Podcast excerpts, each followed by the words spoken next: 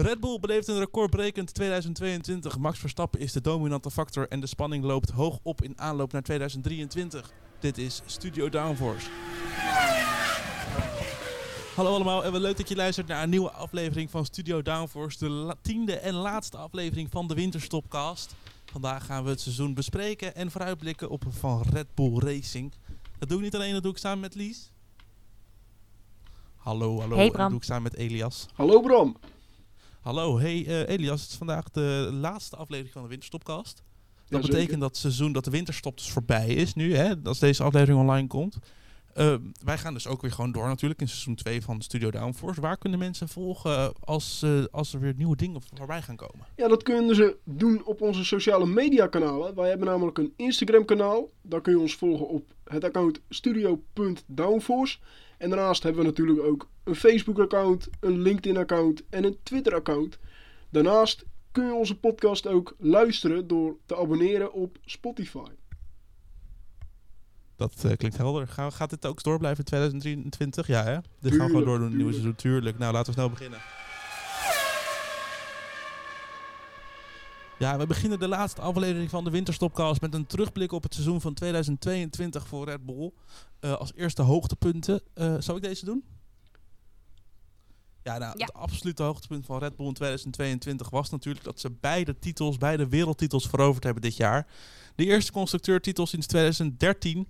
En natuurlijk vorig jaar won Verstappen al de titel bij de coureurs. Nou, dat deed hij dit jaar, of afgelopen jaar natuurlijk weer. Dus ja, beide titels, dat is toch wel een definitief eind aan de dominantie die Mercedes de afgelopen jaren heeft gehad.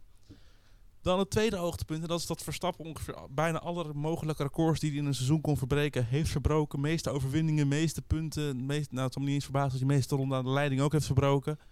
Het is eh, een goed jaar geweest voor de Nederlander en eh, dat zal hij hopen in 2023 voor te zetten. Tot slot, het laatste hoogtepunt is eh, ongeveer de hoogste score die een team kan scoren in een normaal raceweekend. Het was namelijk het weekend van Imola, de eerste thuisrace van Ferrari. Nou, en daar hadden we een sprintrace. En in die sprintrace eindigde Red Bull als eerste en derde. En tijdens de Grand Prix werd het een 1-2. Wat ook de eerste was sinds 2016 volgens mij. En daarbij ook nog eens de snelste raceronde. Dus dat was het hoogste puntenaantal voor een team sinds 2014. En eh, toen was namelijk nog dat je dubbele punten kreeg voor de laatste Grand Prix. Dus daarom dat ik zei, in een normaal raceweekend is dit het hoogste aantal punten wat een team ooit heeft gehaald tot nu toe. Maar goed, zonder, zonder dieptepunten geen hoogtepunten. Dus we hebben ook een aantal dieptepunten op een rijtje gezet. Wie, eh, wie, eh, wie doet hem? Zal ik dat maar doen? En nou, ga je gang. Ja, allereerst beginnen we natuurlijk. Gaan we even helemaal terug naar het begin van het seizoen. Naar Bahrein om precies te zijn. Want wat gebeurde daar toen? Beide Red Bulls aan het einde van de race in het zicht van de haven stranden ze met motorpech. Verstappen leek problemen te hebben met de batterij en ging naar binnen. Verloor een paar posities, lag toen achter Leclerc natuurlijk. Was in een heftig gevecht bezig. Maar dat ging fout. Hij ging naar binnen. En een paar ronden later, volgens mij was het de laatste ronde was toen ingegaan. Eh, toen kapte de bak van Perez er ook mee in de eerste bocht. Die spinde nog een soort van. En daardoor konden Hamilton en Russell onder andere passeren. Eh, een dubbele nul scoren voor de Bulls. En eh, ja, dat was toch wel een pijnlijk begin van het seizoen. En toen leek het wel heel lastig te gaan worden eh, voor Verstappen. In de Ja, dat was een boels gedoe. Ja, heleboel. Eh, goed, Gele kaart. gele kaart, daar hebben we het later nog over. hoe lang de schorsing van, schorsing van Bram gaat duren. Eh, dan, het tweede dieptepunt, het Verstappen-Perez-incident van Brazilië. Dat was even flashbacks naar de Multi-21. Het befaamde incident tussen Sebastian Vettel en Mark Webber in Maleisië 2013. Toen eh, luisterde Vettel niet naar teamorders van, eh, van Red Bull. Eh, hij moest eigenlijk in positie blijven. Dat deed hij niet. Hij haalde Webber toen in en won de race. Heel veel boegeroep kreeg hij daarna. Niet alleen uit het einde van die race, maar eigenlijk het hele seizoen toen. Goed, Verstappen Perez incident Brazilië. Waarschijnlijk weten de meeste luisteraars dit al. Maar Verstappen die ging dus voorbij aan Perez. Mocht er voorbij. Eh, en Perez werd beloofd van oké, dan krijg je als Verstappen niet voorbij Leclerc en Alonso komt. Dan krijg jij de plek terug, want Perez was toen nog aan het vechten met Leclerc om die tweede plek in het coureurskampioenschap. Nou, Verstappen kwam dus ervoor, maar weigerde vervolgens in de laatste ronde om die plek terug te geven. En zei hij van, nou, dat eh, heb ik jullie uitgelegd, ik ga dat gewoon niet doen, punt. Maar eh, dat werd dus het gerucht werd in de wereld geholpen dat Verstappen een appeltje nog te schillen had met Perez. Namelijk van Monaco eh, dat seizoen nog. Want Perez zou eh expres zijn ge, ge- gecrashed in de kwalificatie toen. En daar was Verstappen blijkbaar niet blij mee. Eh Perez zou dit ook opgebiecht hebben aan Red Bull. Verstappen heeft dat toen gehoord. Ja, dan denkt hij ook van, weet je wat, dan pak ik je deze terug. Ja, wat, wat we daarvan eh, moeten geloven blijft natuurlijk lastig. Het blijft een gerucht, het is nooit helemaal bevestigd. Maar opmerkelijk en toch wel een eh, dieptepunt voor Red Bull. Maar ook in, het, eh, in de zo goede relatie tussen Verstappen en Perez. Dan het derde dieptepunt. En dat is eigenlijk bizar om als dieptepunt te noemen. Zeker voor Red Bull na die ja, toch magere jaren. en nu twee keer op rij het coureurskampioenschap. En sinds 2013 dus het eerste constructeurskampioenschap. Maar het mislopen van een 1-2'tje in het kampioenschap, in het coureurskampioenschap. Dat als dieptepunt, kun je nagaan. Ja, Red Bull had uiteindelijk, eh, zeker in het tweede seizoen zelf, toch de superieure auto, leek het. En Perez kreeg het gewoon niet voor elkaar om die tweede plek te veroveren ten opzichte van Leclerc. Dat eh, opvallend als dieptepunt, maar toch wel een beetje. Nou, dat eh, ja, klopt. Een dieptepunt kan je natuurlijk niet echt noemen dat je eerst en tweede dat je een soort kampioenschap domineert. Dat zegt wel Maar genoeg over je seizoen. hè. ja, precies, inderdaad. Laten we snel doorgaan naar de rapportcijfers. Want ja, over Max Verstappen kunnen we Elias en ik in ieder geval wel eens zijn. Lies, ik denk iets minder. Die heeft gewoon een bijna perfect seizoen gehad. Elias, jij geeft hem een 9. Ik geef hem een 9 inderdaad. Eh, Ja, ik, ik, kijk, ik ben sowieso niet gauw van de tienen uitdelen. En ik vind ook dat Verstappen, als hij in de spiegel kijkt, dan heeft hij toch niet helemaal een vlekkeloos seizoen beleefd. Dan moet je natuurlijk denken aan eh, Brazilië natuurlijk, dat hij weer met eh, Hamilton clashte. Dat is Mhm. toch een dingetje dat ik denk van Max, joh, eh, of probeer het niet via de buitenkant, maar ja, het blijft Verstappen. ja, Of- precies. Doe nou rustig aan, want je hebt nog zo'n lange race voor de boeg. Dus in dat opzicht kan hij daar zeker nog van leren en in groeien. Maar verder, ja, fenomenaal natuurlijk. En by far de beste coureur van dit seizoen op de grid. Nou, dat denk ik ook. Ik heb hem een 9,1 gegeven. Toen ik jou 9 zag, ik dacht, doe het lekker wat hoger. Eh, Lies, ik heb je nog helemaal niet gehoord, deze podcast. Je hebt hem een 8 gegeven. Ja, ja, ja, ja. Nou ja, kijk, weet je, eh, best, by far het beste van dit seizoen. Alleen ik vind dat hij zich in Brazilië toch wel... Maar dit, dit hebben jullie al, al lang en breed van mij gehoord. Wil je het erover hebben? ik, vind, ik vind echt... Ja, ik vind gewoon... Het zit nog steeds diep. Ik vind echt dat die vent, die vent heeft zich zo laten kennen toen in Brazilië. Weet je wel, het ging om één puntje. Eh, het ging nergens om. Het was, het was gewoon... Het was zo'n ASO-move. Ja, ik weet niet. Ik vond, ik vond het meer... Ik, die negen snap ik, maar ik vond dat toch... Ja, ik vond dat... e- Die gebeurtenis...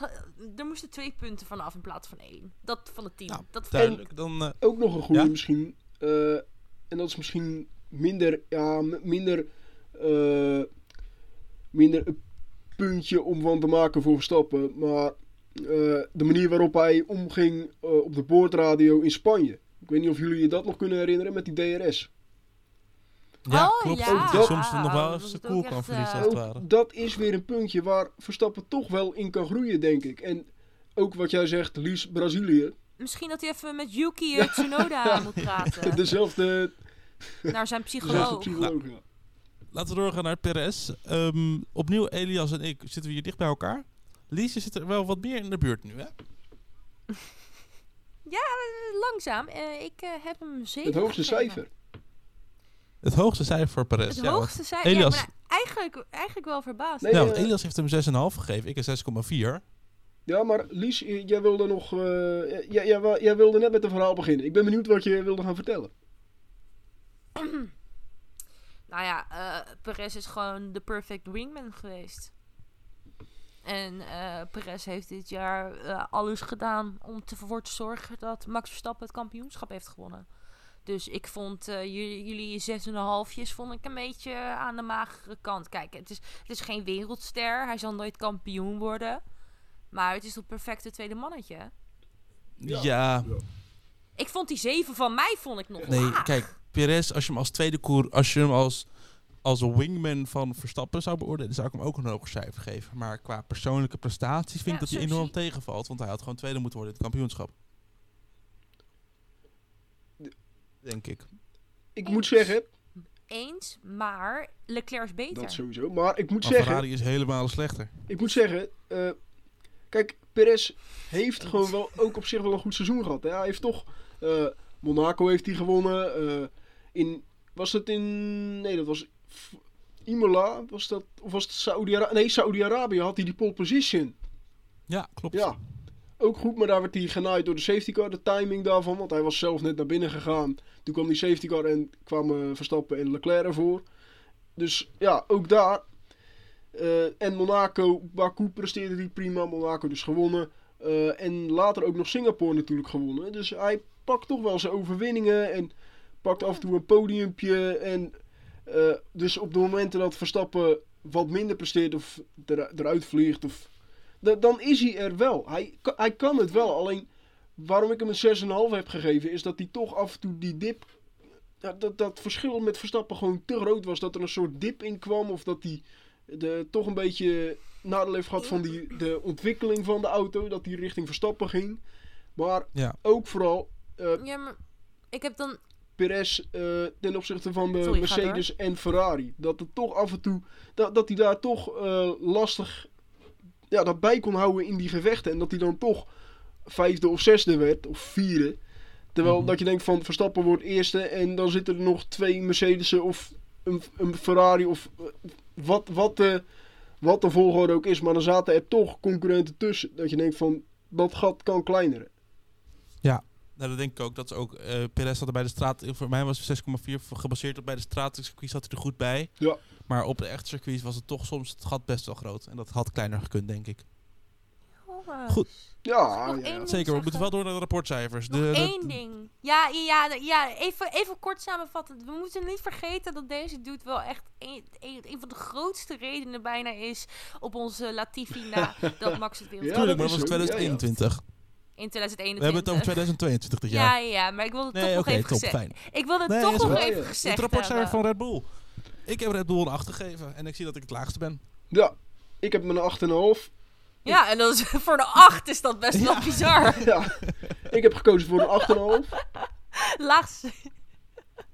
Ik heb eh, gekozen voor een 9 en daar kan ik heel kort en krachtig over zijn. Eh, dat is eh, de, maar één reden. Hanna fucking Smits. Oh, ik dacht dat jij ze een team wilde geven. Maar door, wel knap dat ze een 9 hebben gehaald met jouw Brazilië-onderbouwing. of wil je nog een, een cijfer met Brazilië en zonder Brazilië doen? Nee, nee, nee, nee, nee, luister. Dit deze 9 is puur en alleen voor Maar Hanna. het is een team. Of, of, maar wil je dan... wil je- Ja. Want je, hebt net, je had bij Ferrari natuurlijk ook een, een eh, rapportcijfer met strategie en zonder strategie. Wil je dat dan voor Red Bull ook doen? Nee, want, want Hanna is Red Bull. Hanna is de head Hanna of is strategy bij Red Bull. masterbrain behind Red... She, she's behind everything. She, she is like... Ik, ik heb dromen Oké, en we moeten door. Het is een oké, Formule 1 nee, podcast. oh, oh. Elias, een 8,5. Oh, oké. ja. Een 8,5, Elias. Vertel. Eh, allereerst, dit komt op de socials. eh. nee, Ja, hallo ja, Instagram. ja, weet je, een 8,5. Red Bull, uiteindelijk, ja, ze, ze krabbelden toch weer op. Het was een beetje een eh, ja, rommelig seizoen. een rommelig begin van het seizoen. Het was een goed seizoen. Eh, dat, dat, die, die volgorde moet ik natuurlijk wel even goed zeggen. Maar een rommelig begin van het seizoen. Want die motoren die, waar ze problemen mee hadden, toch die betrouwbaarheid in Bahrein, dus die dubbele DNF. In Australië Verstappen die uitviel terwijl hij op de tweede plek rondreed. En we Mhm. moeten ook niet vergeten dat die auto eigenlijk te zwaar was aan het begin van het seizoen. Ja, En dat ze ja toch nee, zeker. door die doorontwikkeling en het dieet, zoals ze het noemen, van de RB18, als ik het goed heb. Eh, ja, RB18. Dit seizoen is de RB19. Daar gaan we het Ja. zo nog over hebben trouwens. eh, dat dat toch geslaagd is uiteindelijk. Maar dat dat toch, dat, dat moeten we niet vergeten. Ze begonnen toch een beetje eh, ja, lopend achter de feiten. eh, dat Ferrari eh, toch wel de betere auto had. En Nee, dat het, het, was wel, niet zo erg als Mercedes natuurlijk, want die sloegen de plank echt finaal mis. En dat is ook wel grappig dat ik, een dat ik het plank noem, want ja, het was ook wel plank met porpoising. Ja. Nee, ja, ik heb, eh, ik heb Red Bull 8 gegeven. Het is wat jij zegt, Elias, een rommelig begin, maar ook wel een rommelig einde in Brazilië. Ja. En voor de rest gewoon een heel goed seizoen. Toch een paar smetjes vind ik- inderdaad. Precies, maar ons eindoordeel denk ik dat we wel kunnen zeggen, stellen, het is een geslaagd seizoen geweest. Ja, ja. Flink Nou, geslaagd. precies. Laten we doorgaan naar 2023. Want ja, komend jaar staat er voor de schermen niet zoveel te veranderen, maar achter de schermen gebeurt er genoeg. Verstappen en Perez zullen ook in 2023 gewoon de line-up vormen van Red Bull Racing. Maar als derde coureur komt daar Daniel Ricciardo bij. Ja, we zagen bij de lancering dat hij alleen maar kan lachen. En volgens mij juist een beetje zijn plezier in de Formule 1 weer teruggevonden heeft. Nu hij niet, eh, niet al die verplichtingen heeft als voor Mhm. de F1-coureur. Ehm Nou, doe toch wel pijn. ja, het zal wel pijn doen, maar ik denk, hij denk dat hij ook wel de, de rust erin kan vinden dat hij niet week in week uit de hele wereld over hoeft te rijden. Ehm, goed, dan het tweede punt is dat ze tot oktober te maken hebben met best wel een flinke budgetcap straf. Eh, die hebben we natuurlijk uitvoerig al besproken afgelopen half jaar. En dat zal in 2023 pas echt pijnlijk du- duidelijk worden, want ze hebben in de winter dus minder, veel minder tijd in de windtunnel dan ze misschien verwacht hadden in het begin van de ontwikkeling voor de nieuwe auto. Ehm, dan hebben we ook nog de, de, terug, de terugkeer tussen aanhalingstekens van Honda. De motoren worden namelijk gewoon van, worden gedeeltelijk gemaakt door Honda de komende jaren. Maar vanaf 2026 wordt dat Ford, is afgelopen week bekendgemaakt. Ehm ja, ik denk dat we überhaupt over dit Honda en Ford al een hele podcast kunnen vullen. Maar kunnen we er kort over zijn? Ja, eh, ik, ik vind het een, eh, toch, ja, toch een mooie terugkeer van Ford. Want eh, wat misschien sommige mensen niet weten is dat Ford, volgens mij, dan moet ik het wel goed zeggen, maar het was vroeger deels Red Bull. Dus dan moet je teruggaan naar de Jaguar tijd, maar daarvoor was het eh Stewart eh, Ford Grand Prix. Dat klopt hoor, daar heb je gelijk. En ook het eerste jaar dat eh, Red Bull in de Formule 1 reed, is nog met Ford motoren. Ja. Ford Cosworth.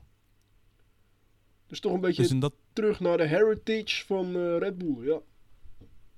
Dus in dat opzicht is het rondje weer rond. Of het cirkel, cirkeltje rond. ik het rondje zeggen. rond. Rondje is weer rond. Ja, en dan de liveries. Natuurlijk een winterstopkast. Eigenlijk is dit de enige winterstopkast waar we het echt kunnen hebben over de livery van de, eh, van de Red Bull of Ja. van een team. Teleurgesteld. Ja, mooie roze. Heel mooi mooi roze. roze. Nee, ik denk dat we kunnen zeggen, gewoon, Ja, en het was te eh. verwachten. Ja, En jammer. Never change in a winning team. Goed, verwachtingen vanuit ons. Wereldkampioen worden, denk ik toch? Nou, Ja, ik denk dat we nu wel... eh, ik zit zo goed vanuit mijn stoel nu naar die races te kijken. Ik vind wel, eh, ja... Maar wel even wat moeilijker, weet je wel. Wel iets moeilijker dan vorig jaar. Leclerc mag echt wel weer wat dichter in de buurt Precies, komen. maar eind op streep Abu Dhabi, finish heen, Red Bull kampioen. Dat is onze verwachting. nou eh, ik ben Ja, het daar niet helemaal dat- mee eens. ik denk dat het wel. wel de doelstelling is van Red Bull om gewoon weer voor het kampioenschap. Dat is natuurlijk logisch. Gewoon, dat, doel, dat doel is gewoon kampioen worden. Weer voor de derde keer op rij in de eh, Mhm. coureurs. En voor de tweede keer zou het natuurlijk ook mooi zijn als constructeur eh, op rij. Maar Ja. ik denk, en dat is mijn verwachting, is dat het begin van het seizoen gaan ze denk ik gewoon goed presteren. Want die auto van 2023 hebben ze vorig jaar ook alvast die ontwikkeling kunnen beginnen. Dus toen hadden ze nog geen last van die straf. Maar ik denk dat je tijdens het seizoen gaat zien dat Red Bull toch achter de feiten aan gaat lopen als ze minder windtunneltijd hebben. En toch minder kunnen uit, Ja. uitgeven aan die ontwikkelingsstrijd.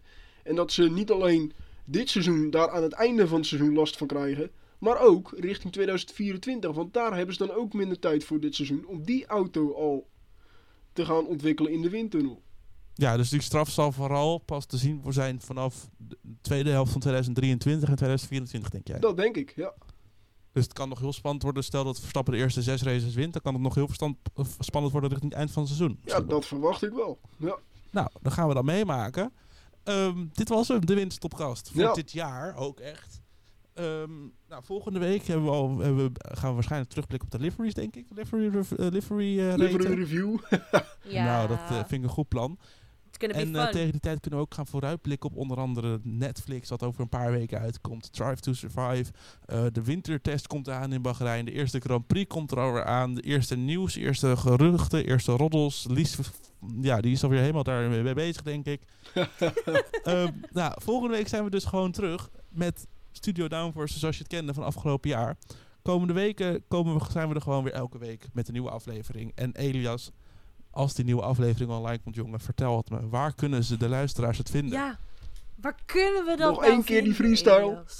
Doe het. Nog een keer, om het af te sluiten. Mensen, jullie kunnen ons volgen op onze sociale mediakanalen. Op Twitter, op Facebook, op LinkedIn. We hebben het allemaal, behalve TikTok dan. eh, maar je kan ons ook volgen op Instagram. Op studio.downforce. Dan krijg je alle nieuwe voorspellingen. Alle, alle nieuwtjes die we hebben over achter de schermen. Als we weer een podcast hebben opgenomen. Dan kun je ook weer een leuke selfie vinden van ons drieën. Tenminste, eh, tenzij mijn haar niet goed zit. ik weet niet wat voor plannen jij hebt. Maar eh, je kan ons ook volgen op Spotify. En dan kun je Word ik hiervoor eh, betaald? abonneren, volgen en dan krijg je meldingen als we een nieuwe aflevering online hebben. Ja, dit, dit, is wel echt duidelijk de laatste keer dat ik het ga freestylen. Goed, tot de volgende. Ja. keer.